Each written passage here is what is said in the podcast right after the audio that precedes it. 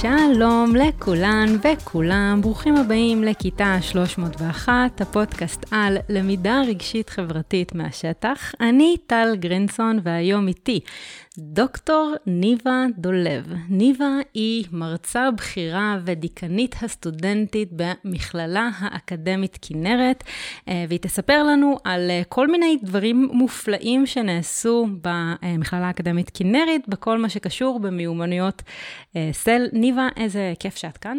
תודה שהזמנת אותי. אז יאללה, בואי ישר נצלול וספרי לנו על עצמך דרך אחת ממיומנויות הסל. טוב, אז uh, אני אספר שככה, אני התוודעתי לסל, דרך אגב, כשעוד לא קראו לו סל, כשעוד קראו לו אינטליגנציה רגשית, uh, לפני לא מעט שנים, כשהגיע אולי המרצה הראשון מארצות הברית לדבר על הנושא, אני הוזמנתי להרצאה שלו, לא היה בא לי לבוא. uh, גם כי חשבתי שאני נורא אינטליגנטית רגשית ואין לי צורך, וגם בגלל שזה היה תל אביב, חנייה וכל הדברים האלה, את יודעת. והגעתי, וכשהגעתי, וישבתי והקשבתי, אמרתי, וואו, האדם הזה המשיג, נתן לי שם לדברים שהרגשתי כל הזמן, בהקשרים חינוכיים ובכלל. ואז ניגשתי אליו ככה בשקט, בתחילו אורחים ובסוף, בכל זאת פרופסור מארצות הברית, ואמרתי לו, תקשיב, אתה דיברת על העולם העסקי, אבל זה מה זה מתאים לחינוך? חשבת על זה פעם? ואז הוא הסתכל עליי ככה ואמר, אני בא מעולם החינוך. רק אף אחד אף פעם לא משלם לי כסף לבוא להרצות בעיני אנשים, ולכן אה, אני מדבר על עולם העסקי. דרך אגב, באותה הזדמנות גיליתי שיש גם דבר כזה בסל של אה, יותר מדי מיומנות מסוימת, וגיליתי שאני יותר מדי אמפתית, ושלא כזה טוב כמו שחשבתי. אני, אני חושבת שהרבה ממאזיננו, אה, כולל אני, אה, יכולים להזדהות עם התחושה הזאת של over אה, אמפתיות, אבל אולי זה גם היופי במיומנויות SEL. זה המודעות העצמית מאזנת את זה, את מבינה את זה על עצמך, ואת מייצרת לעצמך את ה tool kit כדי להתמודד עם הדבר הזה. כן, למרות שמודעות עצמית זו התחלה, היא לא מספיקה. הרבה אנשים מודעים עד לרמה של חפירה אפילו, ולא עושים עם זה הרבה. נכון. והידיעה הזאת שזה לא אני... רוצה להיות יותר אינטליגנטית רגשית, אלא גם לפעמים אנחנו צריכים to fine tune ולהוריד את המינון של כמה מיומנויות. ונכון, אמפתיה היא מאוד מאוד uh, מאפיינת אנשים שעוסקים בחינוך, אבל יש גם אנשים שיש להם יותר מדי מדברים אחרים. Uh, יותר מדי גמישות, ואז אין לי איזשהו center או כל מיני דברים אחרים. זה היה בשבילי איזשהו סוג של גילוי, שצריך גם למצוא את המינונים הנכונים של כל דבר. לגמרי, לגמרי, יכולה להזדהות עם זה. אז בעצם את הגעת אה, אלינו, אליי, לפודקאסט, כדי לדבר על איזשהו תהליך די מטורף שעשיתם באקדמית כנרת. וספרי לנו קצת על המהלך הזה. מה עשיתם, איך עשיתם ואיך כל הדבר הזה קשור למיומנויות SEL. אז קודם כל אני חייבת לומר, עושים ולא עשינו, אנחנו בתהליך. וכמו כל התהליכים של הסל, זה תהליך שמתפתח, והוא עדיין לא במקומות שרצינו. ברור, ברור. אבל בעצם, אני ככה באה מעולם החינוך, עשיתי הרבה מאוד שנים סל בחינוך, ומצד שני, אני עובדת באקדמיה, והפער הזה, המקום הזה של סל תופס יותר ויותר מקום בבתי ספר, הרבה יותר מקודם, עושים תהליכים דמויי סל או דברים דומים אה, בעולם הארגוני, עבדתי גם שם, וההשכלה הגבוהה היא מין לקונה כזאת, שם לא עושים, או כמעט לא עושים. אה, ואני התחלתי, דרך אגב, מאיך שהגעתי, בלהכניס קורסים של סל. בהתחלה קור... למחלקה לחינוך. מה זה קורסים של סל? קורס שלם, קורס אחד, קורס אקדמי, שלימד התיאוריות ואת הפרקטיקות, והביא את הסטודנטים אה, להסתכל על עצמם ולעשות תרגילי פיתוח קטנים. קורס כישורי ו... חיים של סטודנטים. כישורי חיים, כן, אני מסגרתי את זה תחת מיומנויות רגשיות חברתיות, אבל בעצם זה לא זה וזה לא מספיק. זה אולי כן זה, אבל זה לא מספיק. אני חושבת שזה בא גם מהמקום הזה ש... כישורי חיים את קוראת לזה, אני אקרא לזה אולי קצת אחרת. אה, צריך אותם כל הזמן, זו למידה לאורך החיים. היא לא נפסקת כשעברת לבית ספר, או מהבית ספר לאקדמיה, ואנחנו גם יודעים שבית ספר יסודי זה די נפסק, ובתיכונים מוצאים מזה הרבה פחות. אבל אני חושבת שמעבר לזה, ההכרה שהייתה לנו במכללה היא שפני האקדמיה צריכים להשתנות. שהעולם הולך ומשתנה, והאקדמיה די נשארת כמו שהיא הייתה קודם. ואם התפקיד של האקדמיה וה-OECD, אמר את זה ב-2018, היא להכין את הסטודנטים אל העתיד שלהם, אז הם צריכים מיומנויות. מה שיושב בבסיס של זה, זה מיומנויות. כי העולם משתנה, מה שהם עובדים היום, זה לא בהכרח מה שהם יעבדו בעתיד. איך שנראים המקצועות היום, גם אם הם יעבדו באותו מקצוע, הם לא יראו אותו דבר. ומספיק לנו לעבור את התקופה הקצרה של זום, צ'אט GPT, AI, כל הדברים האלה, בשביל להמחיש את זה. דרך אגב, היה הרבה יותר קשה להסביר את זה לפני עשר שנים. היום זה נורא קל להסביר, כי העולם המשתנה טופח לכולם בפרצוף, ואמרנו, אנחנו צריכים להתחיל לחשוב אחרת על תהליכים כדי להכין סטודנטים לעולם. וה-DNA המרכזי של הדבר הזה הוא מיומנויות. Mm-hmm. דרך אגב, אני חייבת לומר שבאבולוציה, השנה הוספנו קישור גם לקריירה ותעסוקתיות.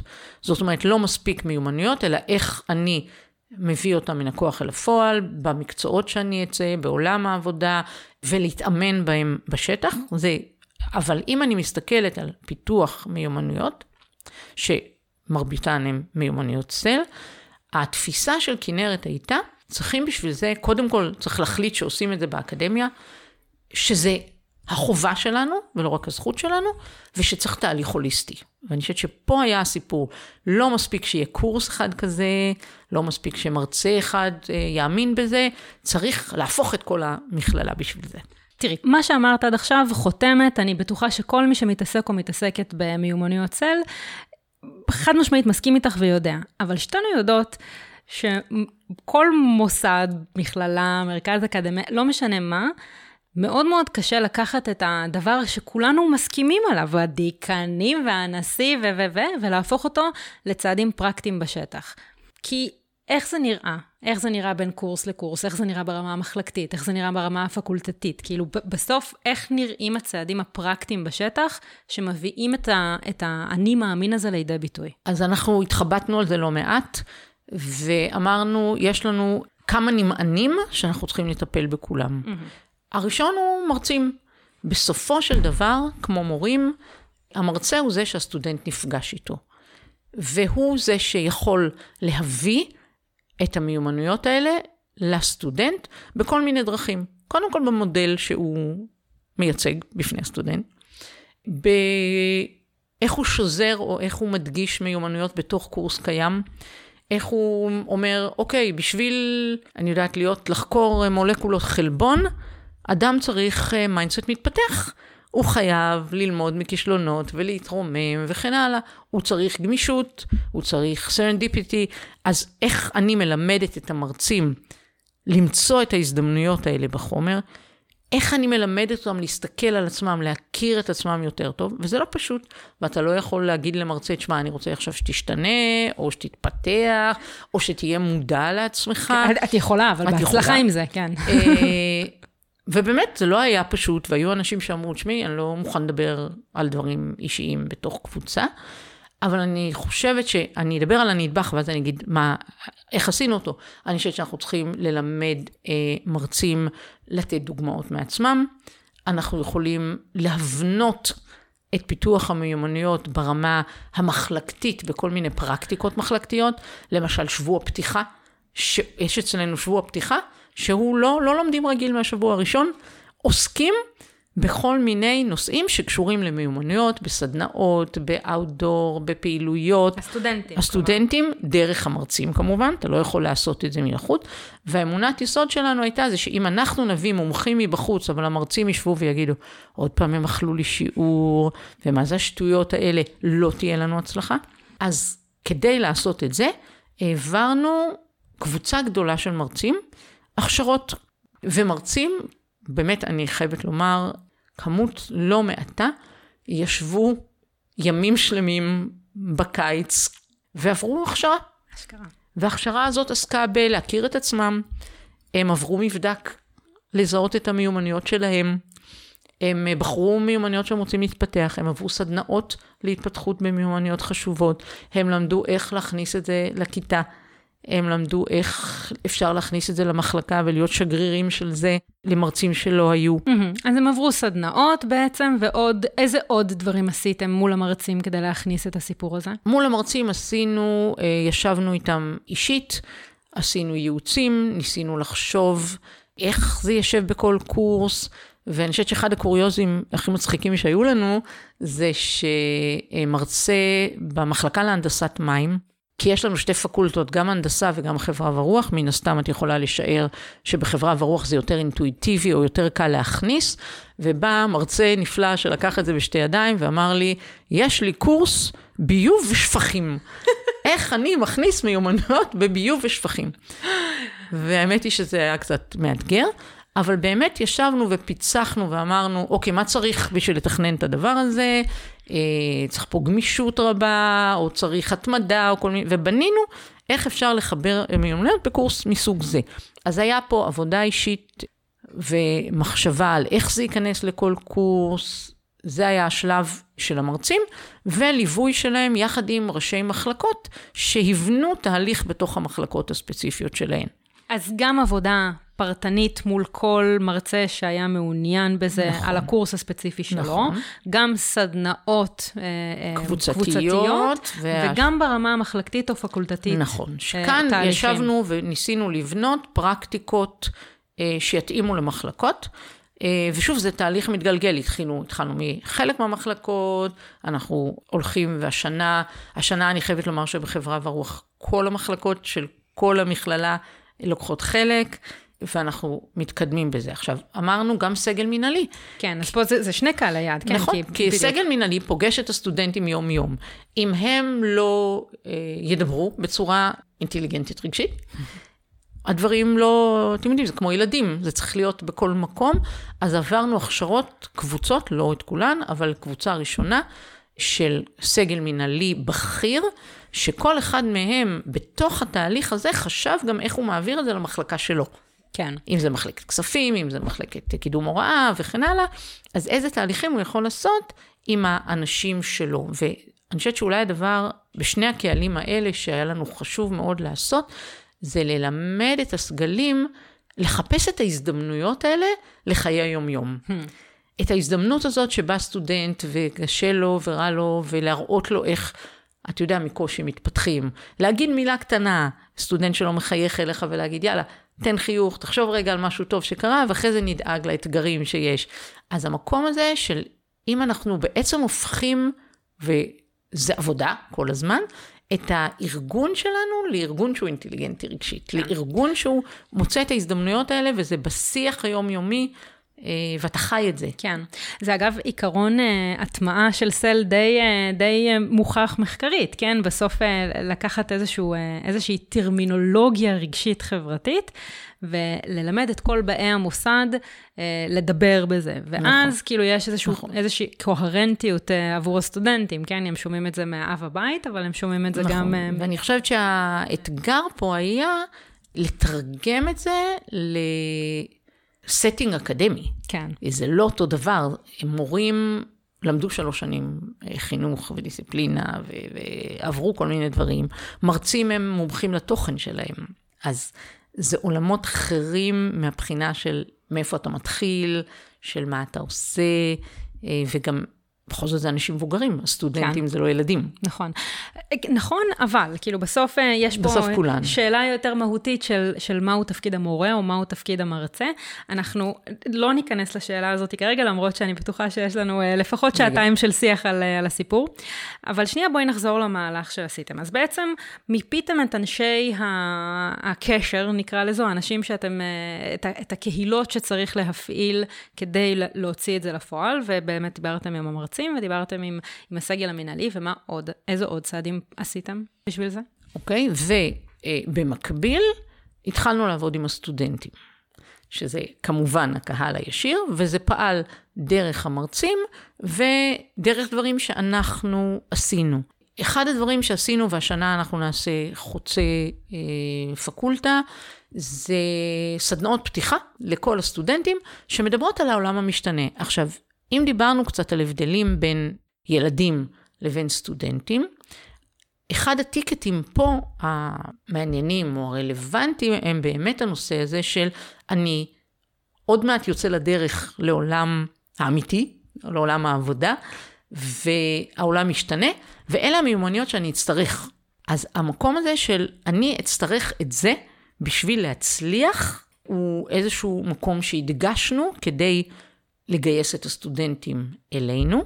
אז אנחנו מתחילים מסדנאות רוחביות לכל המחלקות, לכל מחלקה בפני עצמה, שמדברת על העולם, המשתנה בהקשר לעולם תוכן שלהם, הדיסציפלינה שלהם, והמיומנויות שחשובות להצלחה, לרווחה, לתקשורת טובה או לכל דבר אחר אצלם. השנה אנחנו גם אה, מכניסים מבדק אישי לכל סטודנט. כל סטודנט יקבל מבדק אה, לגמרי אנונימי, הוא מקבל אותו באפליקציה, והוא יראה איפה הוא נמצא ביחס למיומנויות האלה, והוא יוכל גם לבחור לו מיומנות אחת שהוא יתפתח בה לאורך הסמסטר או לאורך השנה. זה שאלון שבניתן, כאילו, זה, אנחנו משתפים הס... פעולה עם אה, חברה אה, נקראת EQL, ויש לה מודל שנקרא חמש יבשות, והם בנו תהליך אינטראקטיבי, דיגיטלי, לכל אחת מהמיומנויות, וכל סטודנט יכול לבחור איזה אה, מיומנות הוא רוצה להתפתח באותה שנה או אותו סמסטר. מעניין. ועשינו את זה שנה שעברה כפיילוט במחלקה אחת, היום אנחנו מרחיבים את זה לכולן. אה, וזה תהליך שהוא מה שנקרא self-directed. הסטודנט יכול מתי שהוא רוצה, כמה שהוא רוצה, אבל הוא תהליך מלווה. ואחד הדברים הנוספים שעשינו, זה אנחנו מכשירים חונכי מיומנויות. אנחנו מכשירים אנשים שעברו את התהליכים, את הקורסים איתנו, אבל הם גם צעירים, הם יכולים לדבר עם הסטודנטים יותר, אה, אולי בגובה העיניים, יותר קרוב, והם ילוו אותם. במפגשים שבהם יוכלו להתייעץ איתם, לשאול אותם ולכוונן את, ה, את ההתפתחות האישית הזאת. זה בנוסף לזה שאנחנו מכניסים יותר ויותר קורסים שנוגעים במיומנויות בדרכים שונות בכל מחלקה, ואנחנו משתמשים במרצים שיכניסו מיומנויות בקורסים שונים שלהם. זה בחלק הזה בינתיים. אני, אני חושבת, כאילו, את יודעת, איך, איך, איך להמשיך את זה, כי, כי יש לי שאלה פה על הסטודנטים. אני, אני שומעת את מה שאת אומרת, וזה מאוד מאוד מרשים, כי באמת, את יודעת, לקבל איזשהו מיפוי עצמי שלי, איפה אני נמצאת בכל אחת מהמיומנויות, זה סופר מגניב. אבל שתינו יודעות שהתפתחות של מיומנות כזו או אחרת קורית כשאני פוגשת עולם. ואני תוהה, איפה הדבר הזה בא לידי ביטוי? כאילו, כי, כי שוב, הדיון פה הוא דיון, הוא דיון תיאורטי, הוא דיון בסוף של איפה אני מוצאת את עצמי, אבל שתינו יודעות שחוסן לצורך העניין מתפתח כשאני פוגשת משהו קשה ואני מתגברת עליו, ואז אני אומרת לעצמי, הנה, הייתי בחוסן, וככה מתפתח חוסן. אז איפה ההתנסויות הריל טיים קורות כאן? אוקיי, okay, אז אני חושבת שקודם כל, זה נכון, אבל אנחנו צריכים לתת לאנשים צעירים, כמו לילדים, את ה toolkit הזה, את הכלים האלה, שכשהם יפגשו מצב של קושי, או את יודעת מה, אפילו נכשלתי במבחן, יהיה להם את ה toolkit הזה להוציא אותו. זה לא שאני קודם אכשל במבחן, ואז אני אבוא ומישהו יגיד לי, אוקיי, את צריכה להתגבר, יש דבר כזה, mindset מתפתח, ומכל טעות לומדים, וכן הלאה וכן הלאה. אני אומרת הפוך. אחד, בואו ניתן לכם את הרפרטואר, ואתם תוכלו לשלוף אותו במקום המתאים. דבר שני, תהליך ההתפתחות הזה, האינטראקטיבי הזה, שולח את הסטודנטים להתנסות בשטח. הוא שולח אותם אה, ראיין אנשים לגבי עצמם, לעשות רפלקציה על מקרים שבהם הם אה, התעצבנו, הם אה, חוו אובר אמפתיה, הם חוו חוסר אמפתיה, אה, לא הבינו אותם, קשה להם להקשיב, או כל דבר שהוא, ולנתח אותם. הוא שולח אותם למשל להסתכל על דברים שקרו השבוע האחרון, ואיך הגבתי להם, איך יכולתי להגיב להם וכן הלאה. שזה, את יודעת, זה בעצם הדברים הכי קרובים ל- ללכת עם בן אדם 24-7 ולהגיד לו, הנה עכשיו תשלוף את זה. עכשיו, האמונה היא, ושוב, אנחנו באמת בשלבים, שאם אני אכיר את עצמי, ואני זאת שבחרתי את המיומנויות שאני רוצה, שהיא רלוונטית לי, ולא המרצה אמרה לי, כולם עכשיו לומדים עבודת צוות. לא, אני טובה בעבודת צוות, אני, קשה לי משהו אחר. אז אני בחרתי בזה, ואתה יודע, כל התיאוריה מראה שמשהו שהוא וולונטרי, שהוא רלוונטי לי, שהוא self-directed, שלא אומרים לי, עכשיו את צריכה להסתכל על עצמך, אני יכולה לבחור מתי הרגעים שבא לי לעשות רפלקציה על עצמי. כשהם מלווים ב... אנשים מבוגרים שמדברים איתי על זה. כן, ו mentoring. ובמרצים ובמנטורים. ואני, חשוב לי להדגיש משהו שעלה, היה עולה תמיד כשהייתי עושה אה, עבודה עם מורים ועם גננות, זה נשמע כאילו זה כל מה שעושים באקדמיה. וזה נשמע כאילו, וואי, די, נמאס עם המיומנויות האלה כל הזמן. לא, זה לא. זה embedded in life. זה נמצא שם, אבל זה לא במצב של המכללה הפסיקה ללמד. אקדמיה, ואת uh, תצטרכי לנהוג על גשר שבו בן אדם הוא נורא אינטליגנטי רגשית, אבל הוא לא יודע חוזק חומרים. אנחנו לא מדברים על זה. כרגע זה נשמע ככה כי אנחנו מדברות על זה, אבל, אבל זה לא. גם עשינו איזשהו מחקר קטן, uh, יותר סקר, וסטודנטים יודעים שזה מה שהם צריכים. להם זה לגמרי ברור. אני חושבת שיותר קשה לחלק מהמרצים להבין שזה התפקיד שלהם, כי אני חושבת שלכולם ברור היום שאלה מיומנויות חשובות שעומדות בבסיס של הקרחון, שבקצה שלו למעלה זה ההישגים הלימודיים או המקצועיים שלנו, זה עומד על היכולת שלנו להתמיד ולווסת ולהיות בקשר עם אנשים ולשתף פעולה ו- וכל הדברים שקשורים לסל. הרבה פעמים יותר קשה להגיד או לשכנע מרצים שזה התפקיד שלהם. אוקיי, okay, אז פה בנקודה הזאת בואי נדבר שוב, אה, סליחה, בנקודה הזאת בואי נדבר על, על התנגדויות, כי אני עובדת עם מרצים. אני יודעת uh, שזה לא תמיד קהל פשוט, בטח לא אלה שלא משוכנעים כמוני וכמוך, שזה הדבר הכי חשוב רגע. בעולם. ואת יודעת, אנחנו מציגות פה איזשהו, uh, כאילו, נקודת מבט שברור לנו שזה חשוב. אבל זה לא ברור שזה חשוב, כן? זה לא משהו שהוא... לא, זה ברור, הם רק עוד לא יודעים. יפה, אהבתי. אז, אז בעצם, את מדברת על שלושה קהלי יעד שעבדתם איתם כדי להטמיע את השינוי, בעיקר מרצים, סגל מנהלי וסטודנטים. ואני אוסיף עוד שניים. אחד זה שינוי שיטות הלמידה וההוראה. Mm-hmm. אתה לא יכול לעסוק במיומנויות ובשאר הזמן לעמוד ולהרצות פרונטלי, כי עצם הלמידה האחרת, אה, דיברת על עיצוב למידה, היא מפתחת מיומנויות בעצמה. עצם העובדה שאני עובדת בקבוצות, או צריכה ללמוד לבד, או צריכה לעמוד בפני הכיתה, יש להם משהו שמפתח מיומנויות. אז אני חושבת שבמקביל עבדנו על הרבה יותר למידה פילה, למידה אחרת, שינוי דרכי למידה, הוראה וגם מדידה. כן. אה, אבל שזה פועל יוצא של עיסוק במיומנויות בעצם. נכון, אבל זה, אני חושבת שיש פה שני דברים. הרבה פעמים מרצים היו אומרים לי, אני מפתחת, מפתח עבודת צוות, כי אני שם אותם בקבוצות. והסטודנטים היו אומרים, סבבה שהוא שם אותי בקבוצות, אבל אף אחד לא לימד אותי איך לעבוד או לנהל צוות. אז מצד אחד אנחנו נלמד אותם, והכנסנו הרבה סדנאות, והרבה התנסויות, והרבה אנשים מהשטח. מעסיקים, חברות, מנהלים, אה, בעלי דעה ומשפיעים שמדברים על איפה זה פוגש אותם בעולם העבודה. ומצד שני, אנחנו צריכים לתת להם הזדמנויות to practice, אם דיברת על העולם האמיתי. אז אם אנחנו עושים את זה בכיתה, בדרכי הלמידה, ונוצר קונפליקט, אנחנו יכולים להגיד, אוקיי, בואו תראו מה למדתם על ניהול קונפליקטים, ובואו תראו איך אתם משתמשים כן. פה, אז יש לנו פה הזדמנות. ודבר אחרון, אה, שהוא תמיד באקדמיה איתי, ולא קל, בייחוד דרך אגב באקדמיה קטנה ופריפריאלית, שזה תשתיות. שיהיו לנו מספיק חדרים שמאפשרים למידה כזאת, ומספיק חדרים קטנים לעבודת צוות, mm-hmm, ומרחבים, mm-hmm. וכן הלאה וכן הלאה. זה, זה נכון גם ה... באוניברסיטאות גדולות, כן? כאילו, שיח משאבים הוא שיח אה, אה, נוכח. אז, אז כאן, מה עשיתם? אז, כן. אז איפה שהייתה אפשרות, גירדנו, או חיברנו את זה לדברים ש... המכללה תכננה לעשות שינויים והתאמנו אותם למקום.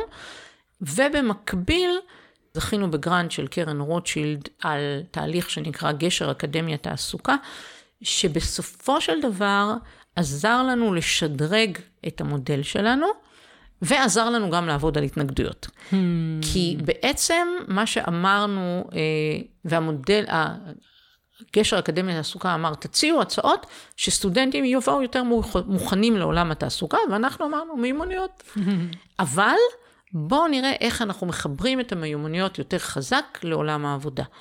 במיני התנסויות פרקטיקומים, במשהו שקראנו לו יחידות ערך, שעשינו מין פול של כמה מעסיקים מחויבים, שהם באים, עובדים עם הסטודנטים שלנו על מיומנויות ספציפיות, ולוקחים אותם אחר כך להתנסות במיומנויות האלה בשטח, ומצד שני, אנחנו תורמים להם ערך, למשל במחלקה לניהול משאבי אנוש, בנינו להם יום עיון, hmm. והפקנו אותו כאיזשהו אקו סיסטם בין האקדמיה לתעסוקה. עכשיו, למה זה עזר להתגבר על אתגרים?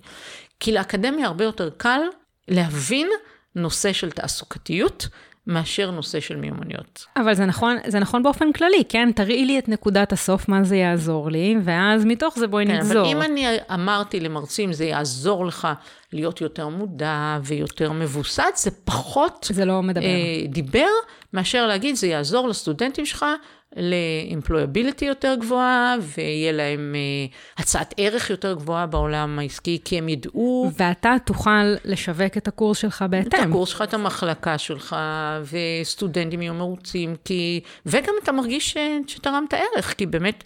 כל האנשים שבאים לאקדמיה באים, הלב שלהם במקום הנכון.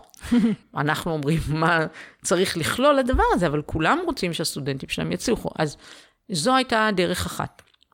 אה, להתמודד עם התנגדויות.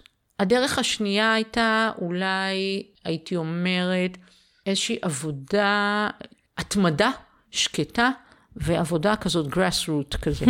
אני חושבת שמה שעזר לנו, שהיו לנו כמה משוגעים לעניין, זה לא הנשיא בא, אמר, והסגל אמר כאילו, אה, מאיפה באת? היו משוגעים לדבר בשטח, שפשוט עבדנו כל הזמן, ועשינו, וכל פעם עוד אנשים ראו ואמרו, אה, זה דווקא לא רע, זה דווקא הגיוני. כן, זה הדהד. ובאמת, אה, כזה סוג של bottom up ו-top down, אז זה עזר לנו לשבור, ואני חושבת שלמדנו לאט לאט איך למ... אפילו לא למנח את זה, אני חושבת שזה לא נכון להגיד רק איך מכרנו את זה, אלא איך למצב את זה, ואיך להתאים את זה לקונטקסט אקדמי. של אנשים שבאמת באו לרכוש השכלה ומקצוע ולצאת לעולם, אז למדנו באמת איפה זה מתאים באקדמיה, לאן זה מתאים, ושוב, זה לא יתאים ל-100% מהמרצים, זה לא יתאים ל-100% מהסטודנטים, ואני חושבת שאולי ברמה האישית שלי, אני למדתי שהחתירה למסה קריטית מסוימת זה מספיק טוב, hmm. שאני להגיד, אני לא אגיע לכולם, זה בסדר שלא כולם יעשו את זה, אבל אם בכל מחלקה יש אנשים שיאמינו בזה אה, ויעשו את זה, אנחנו כבר אה, כן, נמצאים. כן, ה-80 אחוז נכון. הוא, אה, הוא טוב עכשיו, מספיק. יש גם גישות שונות. אותו פרופסור מוריס אלייס, שפגשתי בהרצאה הראשונה, ונתתי לו את העצה הנפלאה לעסוק בחינוך, אה, היה, עשיתי איתו איזשהו יום עיון לא מזמן ליחידות קידום הוראה, ושאלתי אותו, מה אתה עושה אצלך באוניברסיטה? איך אתה מעביר תהליכים כאלה? אז הסתבר שגם להם יש אתגרים, למרות שיש להם את אחד הגורואים, הוא לא מצליח לעשות את זה מכלל, אוניברסיטה ווייד, הוא עושה את זה אה, פקולטטי, או... אבל הוא אמר לי, תקשיבי, אני לא מתחיל מלדבר על רגשות. אני מתחיל מנגיד קבלת החלטות אה, אחראית, עם, במודל של קסל. כן, פחות רך. נתחיל מהפחות רך. אני חייבת לומר שאני הולכת הפוך. אני באה, לא אכפת לי למי, ואני מדברת על רגשות. ואני אומרת להם, תקשיבו, לא יעזור לכם, ואתם אה, הנדסת אה, לא יודעת מה, תוכנה, הנדסת מים, או אתם סטודנטים לתיירות. רגשות מנהלים אתכם, whether you want it or not. ובואו נדבר על זה, בואו נסתכל על זה בעיניים, אה, ועד כה זה, זה הצליח לי. אני למשל, כל קורס שלי, כל שיעור בכל קורס, ויש לי הרבה כאלה, שואל את הסטודנטים איך אתם מרגישים היום. עכשיו, בהתחלה זה היה נראה אה, מוזר, היום הם מחכים לזה, לרמה שכשהיינו בזום ב, בקורונה, רצה בקבוצת הסטודנטים אה, הודעה, אחר כך אמרה לי את זה עוזרת הוראה, שניבה חולה. וכשהיא שאלה אותנו מה היא חולה, הם אמרו, כי היא לא שאלה אותנו איך אנחנו מרגישים היום. אז אני חושבת שזה גם משהו, ש... ושאלת אותי התנגדויות, ואני לא ברחתי מהנושא, אה, התמדה, אמונה כנה שזה חשוב, התמדה, וכל הזמן ניסיון לדייק את זה, וכל פעם לעלות על העגלה, את יודעת, גלגל התנופה, אז כל פעם לעלות על העגלה עוד קצת, עוד כמה אנשים, עוד כמה שחקנים, כדי שזה ילך. ואני באמת חושבת ש... את יודעת, יש תהליכים נורא קלים ופשוטים כאלה, של בוא נכניס קורס, או בוא נכניס מבדק. אני חושבת שאם אתה עושה תהליך נכון, אז אתה לוקח את כל התיאוריה של סל, של באמת תהליך אקולוגי, הוליסטי, כולו, ואתה הולך על כולו, ואתה מאמין שבסוף הדברים האלה ייפלו, וביחד הם יעשו איזשהו אימפקט כן. יותר משמעותי. כן. אוקיי. האם יש עוד דברים שעשיתם כדי להתמודד עם התנגדויות? אולי דבר אחד זה היה שיתוף פעולה בין אקדמיה לסגל ניהולי, סגל מנהלי. עשינו מין קואליציות כאלה, שזה לא, אוקיי, המרצים רוצים ומישהו אחר לא. אה, נגיד מחלקת אה, קשרי חוץ עובדים איתנו, וקידום הוראה, וכל מיני שיתופי פעולה כאלה. כן, רתימת, שית, רתימת שותפים זה חזק. נכון, זה, ו- זה... ובהתחלה, בהתחלה של זה באמת עשינו קבוצות דיון. עבר, עשינו בכל המכללה אה, קבוצות דיון, ואחר כך קבוצות עבודה מעורבות. כן. מ... זה, אז, אגב, אז, זה... אז כאילו כמה שיותר, ככל שזה, אנשים ירגישו שיש להם ownership על זה, כן. אה, אז כמובן הם יהיו אה, יותר כן. מגויסים. זה, זה קטע, כי כשדיברתי עם מרים, שהיא מנהלת מחלקת החינוך בזיכרון יעקב, היא גם סיפרה על איזשהו תהליך של שינוי והטמעה של סל, ממש ברמה העירונית. אז היא גם דיברה על זה, היא דיברה על, על זה שמצד אחד צריך לרתום שותפים, שהם חלק גם מקבלת ההחלטה וגם מהביצוע, וגם על הסיפור של ה-ownership, כי בסוף אנחנו יודעות שאי אפשר ללמד מיומנות בהתכתבות, כמו שאומרים. זה משהו שהאדם שממולך צריך לרצות לעשות. נכון. אה, ולרצות לעשות זה בחירה, ולרצות נכון. לעשות זה ownership על תהליך. ואני חושבת שככל שיש יותר אנשים שמאמינים בזה ומשוכנעים בזה, אז אנשים יותר רוצים. בדיוק. עכשיו, גם סטודנטים, אני מסתכלת, סטודנטים שאני כבר יש לי קילומטראז' איתם, לא היה להם בכלל, לא, לא היה להם בכלל ספק שזה הדבר הכי חשוב. עכשיו, אני אגיד מעבר לזה, בגלל שאני אה, מלמדת את רוב זמני במחלקה לחינוך וקהילה, וגם הייתי ראש המחלקה הזאת בעבר, אני רואה, וגם ראש המחלקה הנוכחית אה, לוקחת את זה מאוד חזק קדימה, שסטודנטים שהולכים לפרקטיקום, ויכולים לבחור מה שהם רוצים לעשות עם המודרכים שלהם או עם התלמידים שלהם, רובם בוחרים לעשות צל. Hmm.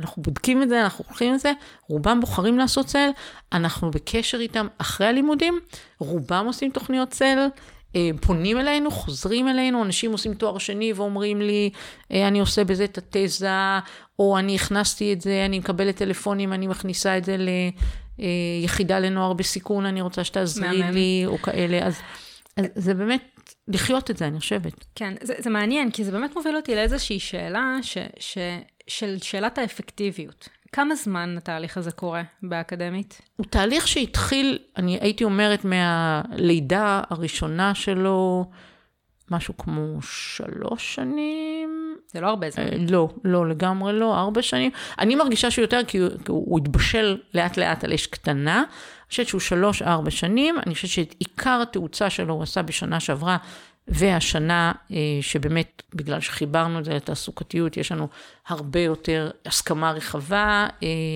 ואנחנו עושים את זה באמת הרבה יותר מתודולוגי. כן. אני יודעת מה את שואלת, האם זה אפקטיבי. אה, זה מה שאני חוקרת בדרך כלל לגבי תהליכים. זה בדיוק השאלה שבאתי לשאול. ואני חושבת שהשאלה היא, באיזה מימדים אנחנו בוחנים אפקטיביות. אנחנו עכשיו מכניסים הרבה מדדים מלבדוק אם המיומנויות הרגשיות חברתיות שלהם ישתנו לאורך זמן, להאם התעסוקתיות שלהם תשתנה, האם הם ישתלבו יותר בסוג העבודה, הם יצליחו יותר, יחשבו עליהם דברים יותר טובים, יגידו, הנה אנשים שבאו מוכנים לעולם העבודה, אבל בעיניי גם, וזה מדד אולי שלי אישי לגמרי, האם הם ימשיכו לעסוק בזה בהמשך? האם הם יגידו כשהם יהיו מנהלים, אני רוצה להוביל תהליכים כאלה אצלי בארגון, hmm. לא משנה מה הארגון. אני עבדתי לא מעט עם אה, חברות הנדסה, עבדתי לא מעט עם חברות הייטק, אה, עם רופאים, עם כל מיני כאלה, ואני תמיד אומרת, המדד הוא אם מישהו ירצה to pay it forward. אם אתה תלך למישהו ובלי שאתה תגיד לו, הוא יגיד, אני רוצה לעשות את זה לעובדים שלי. Hmm. עכשיו, האם יש לי דאטה קשה על זה? עדיין לא, זה עדיין צעיר. אבל כן יש אינדיקציות חיוביות שבמחלקות שעשינו את זה, אה, סטודנטים כותבים ואומרים, אני רוצה לעשות סדנה לעובדים שלי, אני מותר לי להשתמש במצגות שלך, מותר להשתמש בזה, את יכולה לעזור לי לבנות, את מוכנה לבוא להרצות אצלי כן. אה, בהתנדבות על זה ועל זה. כן. זה משפיע על, אה, על סקרי הוראה, על שביעות רצון סטודנטים? כאילו זה משהו שאתם רואים נגיד? עדיין לא. עדיין, אני עדיין לא יכולה להגיד. לא, עדיין לא, כי לא מיפינו בסקרי ההוראה. כי לא שאלנו. את אלה ש... לא, לא כן, בדקנו, לא נכון. בדקנו. לא עשינו קורלציה בין מי שעושה למי שלא עושה. Mm. אנחנו כן, אבל דרך אגב, אם דיברת על אה, תמריצים מול אתגר, לא אמרת מילה תמריצים, אבל אתגרים מול, אה, אנחנו כן הכנסנו את העבודה על מיומנויות, מה שקראנו לו בעבר הקמפוס של מחר, לגמול הצטיינות.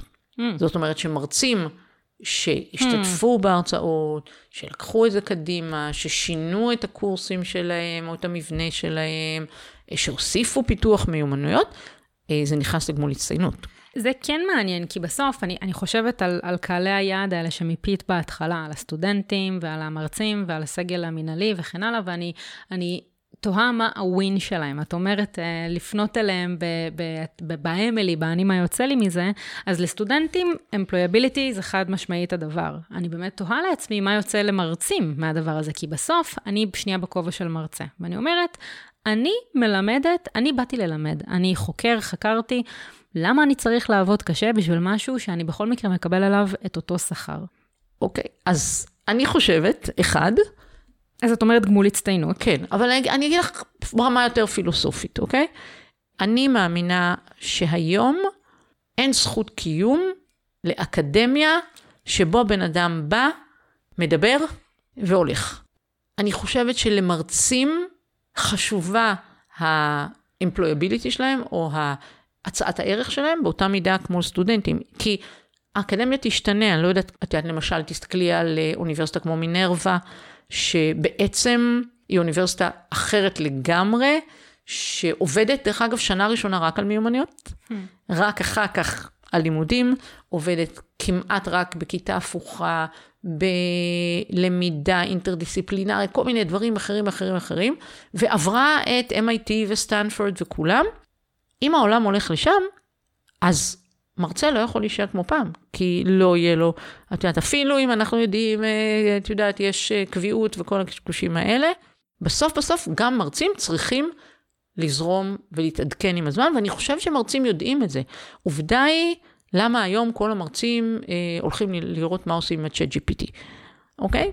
אה, כי הם מפחדים שיעתיקו שיעתיקו בה. להם, כן, אוקיי. אבל אני חושבת שההנחה שאומרת, אני מרצה, אי אפשר לנגוע בי, אני עומד, מוציא את הניילונים מלפני 50 שנה ומרצה אותם הלאה, היא כבר לא, כבר לא קבילה. זה כבר לא יכול לקרות, האקדמיה תשתנה, אקדמיה שלא תשתנה, תהיה לה פחות רלוונטיות. אנחנו רואים שהיום סטודנטים מחפשים כל מיני אלטרנטיביות ו- ומיקרו קורסים ו- ודרכים עוקפות וכן הלאה, וגם מרצים, אם הם רוצים לשמור את המקצוע שלהם, וגם, אתה יודע, מרצה שבא, הוא עדיין רוצה שאנשים יתעניינו בהרצאות שלו, ושיהיה להם, שהם ירצו להקשיב לו, כן. זה לא באמת שאני באה ולא אכפת לי כלום, נתתי את הרפליקה שלי, ידעו, ידעו, לא ידעו, לא ידעו, כן. חלקם, כן, רובם, יש ויש, אוקיי. בדיוק, כן. אבל אה, אני כן מאמינה שהרבה מאוד מהמרצים באים גם מתוך, אני חושבת שאולי זה נכון בפריפריה יותר, אולי לא, את תגידי לי, הם באים מתוך שליחות אמיתית. הם באים באמת לעשות שינוי, אז אנחנו נוגעים במקום הזה, ואנחנו נוגעים במקום של אתם צריכים לזרום עם השינוי, כי האקדמיה תלך לשם. ואנחנו יודעים, גם המל"ג, כל פעם נותן לנו כל מיני הנחיות, צריך בינלאומיות, וצריך זה וצריך כן. זה, אז בסוף זה יהיה, בסוף זה, זה גם יבוא. אה, אז צריך להיות שם. לא, לגמרי, אבל אני חושבת שזה באמת דיון מתמשך, כי אני חושבת שיש אה, ארגונים אה, שקל להם יותר להשתנות. אה, ולהתאים את עצמם לעולם הזה שאת מתארת. האקדמיה ושוב, פחות. האקדמיה זה לא שהיא פחות, אלא יותר קשה לה. כאילו, יש משהו במבנה, בבירוקרטיה, במוסד, באיך שהדבר הזה, שלוקח לו יותר זמן.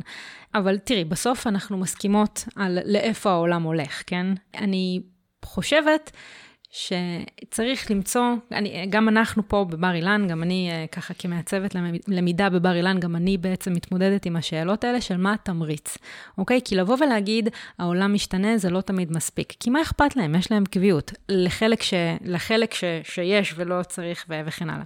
אבל אני חושבת שזה אולי נוגע בשאלה גדולה יותר של למה בכלל. ודיברנו הרבה על למה בכלל, על איך ו, ולמה לעשות את השינויים האלה, ולאיפה העולם שלנו הולך, ומה, איזה, איזה toolkit צריך בעולם הזה. אבל עכשיו שנייה, אני, אני בכובע של אה, מרכז ההוראה, או מרכז הלמידה בתוך האקדמיה, ואני רוצה לעשות שינוי כזה. מה השורה התחתונה? מה הדבר שאני עושה, או שלושה, עשרה דברים שאני עושה מחר כדי לקדם למידה רגשית חברתית במוסד שלי? אני חושבת שקודם כל, אה, למפות מה כבר יש. לפעמים יש יותר ממה שאנחנו יודעים. אה, אנשים שעושים את זה בכל מיני מקומות, בכל מיני נקודות, ולהתחיל מהיש ולא מהאין, להתחיל מהמקום שיש החוזקות שלנו. לגייס הסכמה רחבה, לעשות מעגלי שיח על תפקיד האקדמיה בעולם משתנה, אה, להסתכל על דגמים, לדבר, לעשות איזשהו, אנחנו עשינו מיפוי של מעסיקים, מרצים וסטודנטים, מה הם חושבים שהם היכולות אה, הכי חשובות. זה מעניין, אני עושה תרגיל בכל ההרצאות שלי, שאני אומרת להם להתקשר לשלושה אנשים שמחוץ לחדר ולהגיד מהם היכולות הכי חשובות להצלחה בעולם המשתנה. עד שכולם מקבלים תשובות, אה, גם המשתתפים עונים, וזה לא משנה באיזה פקולטה אני מדברת. 99 אחוז הם מיומנויות רכות. Hmm. לא היה לי מהנדס, רופא, או לא משנה מה, שאמר הכי חשוב זה לדעת לא יודעת מה. באמת. אז זאת אומרת ש... אתה צריך להתחבר או לחבר אנשים במעגלים וליצור את החיבור, ללהראות שבעצם גם הם חושבים ככה. הם אולי לא עושים את זה, הם אולי לא יודעים לעשות את זה, אבל בהחלט חושבים ככה. הדבר הבא, הייתי מתחילה מהמרצים, לא מהסטודנטים, מפני שלהכניס את זה, ואני הייתי דרך אגב פעם לפני הרבה שנים במקום, באקדמיה אחרת, שבה הכנסנו את זה לסטודנטים, המרצים לא היו בסיפור, הם חשבו שזה שטות גמורה, וכל פעם שסטודנט היה בא לקורס, הם היו אומרים לו, כאילו, מה זה, מה זה חרטא הזה, למה אתה מבזבז על זה את הזמן? אז זה לא יכול לפעול בלי איזושהי אווירה או setting או אמירה. אז הייתי מתחילה מהסגלים, הייתי אוספת את מי שמאמין בי, להתחיל ממי שכן, ולאט לאט מגדילה את המעגלים, מראה את הבנפיץ. גם אנשים שאומרים, וואי, היה והיה אחלה, וזה עוזר לי לשדרג את הקורסים שלי, והסטודנטים שלי גם יותר מחוברים, כי הקורסים שלי נהיים יותר רלוונטיים. וכשאני מדבר איתם על משהו, אני מראה להם גם את, ה, את האיך ואת ה... מה אתה צריך בשביל זה, ומה העולם, ומה הבוס שלך מחפש בשביל זה. אז לחבר את המרצים, ולהסתכל איפה ההזדמנויות שלי בתוכנית הלימודים או בקורסים הקיימים להכניס את זה. כי כן, מחקרים מראים שאקדמיה היא מקום קשה לשינוי. דרך אגב, אחת הסיבות בספרות לזה זה שעדיין אין הסכמה על תפקידי האקדמיה בעולם החדש. אז עוד לא החלטנו שזה חלק מהתפקיד שלנו. אה, אז לראות איפה אני כן יכולה, כי את יודעת, יש מרצים שיגידו לך, את לא לוקחת לי רבע שעה מהשיעור. לא יעזור לך כלום. Mm-hmm. כאילו, אני צריך כל דקה, אחרת הם לא ידעו. אז איפה אני כן יכולה? ואני חושבת שאחד הדברים שאולי לא דיברנו עליו עד עכשיו, הוא להשתמש בטכנולוגיות. הטכנולוגיות יכולות לעזור לנו לעשות תהליכים במקביל לקורסים. אמ, באיזשהו פרויקט שהייתי, פיתחנו איזשהו כלי, לא מסובך דיגיטלי דרך אגב, אבל מין מסע דיגיטלי לפיתוח מיומנות, hmm. אה, שאנחנו העלינו את החומרים הרלוונטיים לכל מיומנות, האנשים שהם אנשי תוכן, וסטודנט יכול לעשות את המסע הזה, חלק ממטלות קורס למשל, בלי לתפוס למרצה מקום, וגם בלי שהמרצה יצטרך להיות עם הרבה ידע.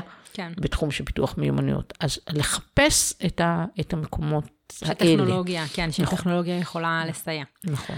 Uh, אני אקח דוגמה, למשל, יש קורס של uh, אינטליגנציה רגשית במשאבי אנוש, או מיומנויות רגשיות חברתיות במשאבי אנוש, ואחד הדברים שעשינו זה הם אפיינו את הארגון שהם עובדים בו, ואז הם פנו לצ'אט GPT, שיבנה להם תוכנית לארגון הזה. עכשיו, בשביל זה הם היו צריכים לדעת את הטרמינולוגיה, לכוון אותו נכון, לתאר את הארגון, ואחר כך גם לבקר את התוכנית שהוא נתן להם. אז לחפש באמת איפה ההזדמנויות שלנו לעשות את זה ולהשתמש בטכנולוגיה, ושתעזור כן. לנו על יד. לגמרי, גם טכנולוגיה היא עוזרת מאוד ב scaling up, כאילו בעצם מקומות שאת אה, לא יכולה לתת מענה נקודתי, את יכולה להשתמש uh, הרבה פעמים בטכנולוגיה. נכון. אוקיי, okay, אז קודם כל, זה היה סופר מעניין, ו- ולקראת uh, סיכום, אני אשמח uh, uh, למסר שלך. כאילו, אם, אם מי שמאזין, מאזינה לנו עכשיו, צריך לצאת עם משהו אחד מהשיחה היום, עם מה הוא יצא מבחינתך?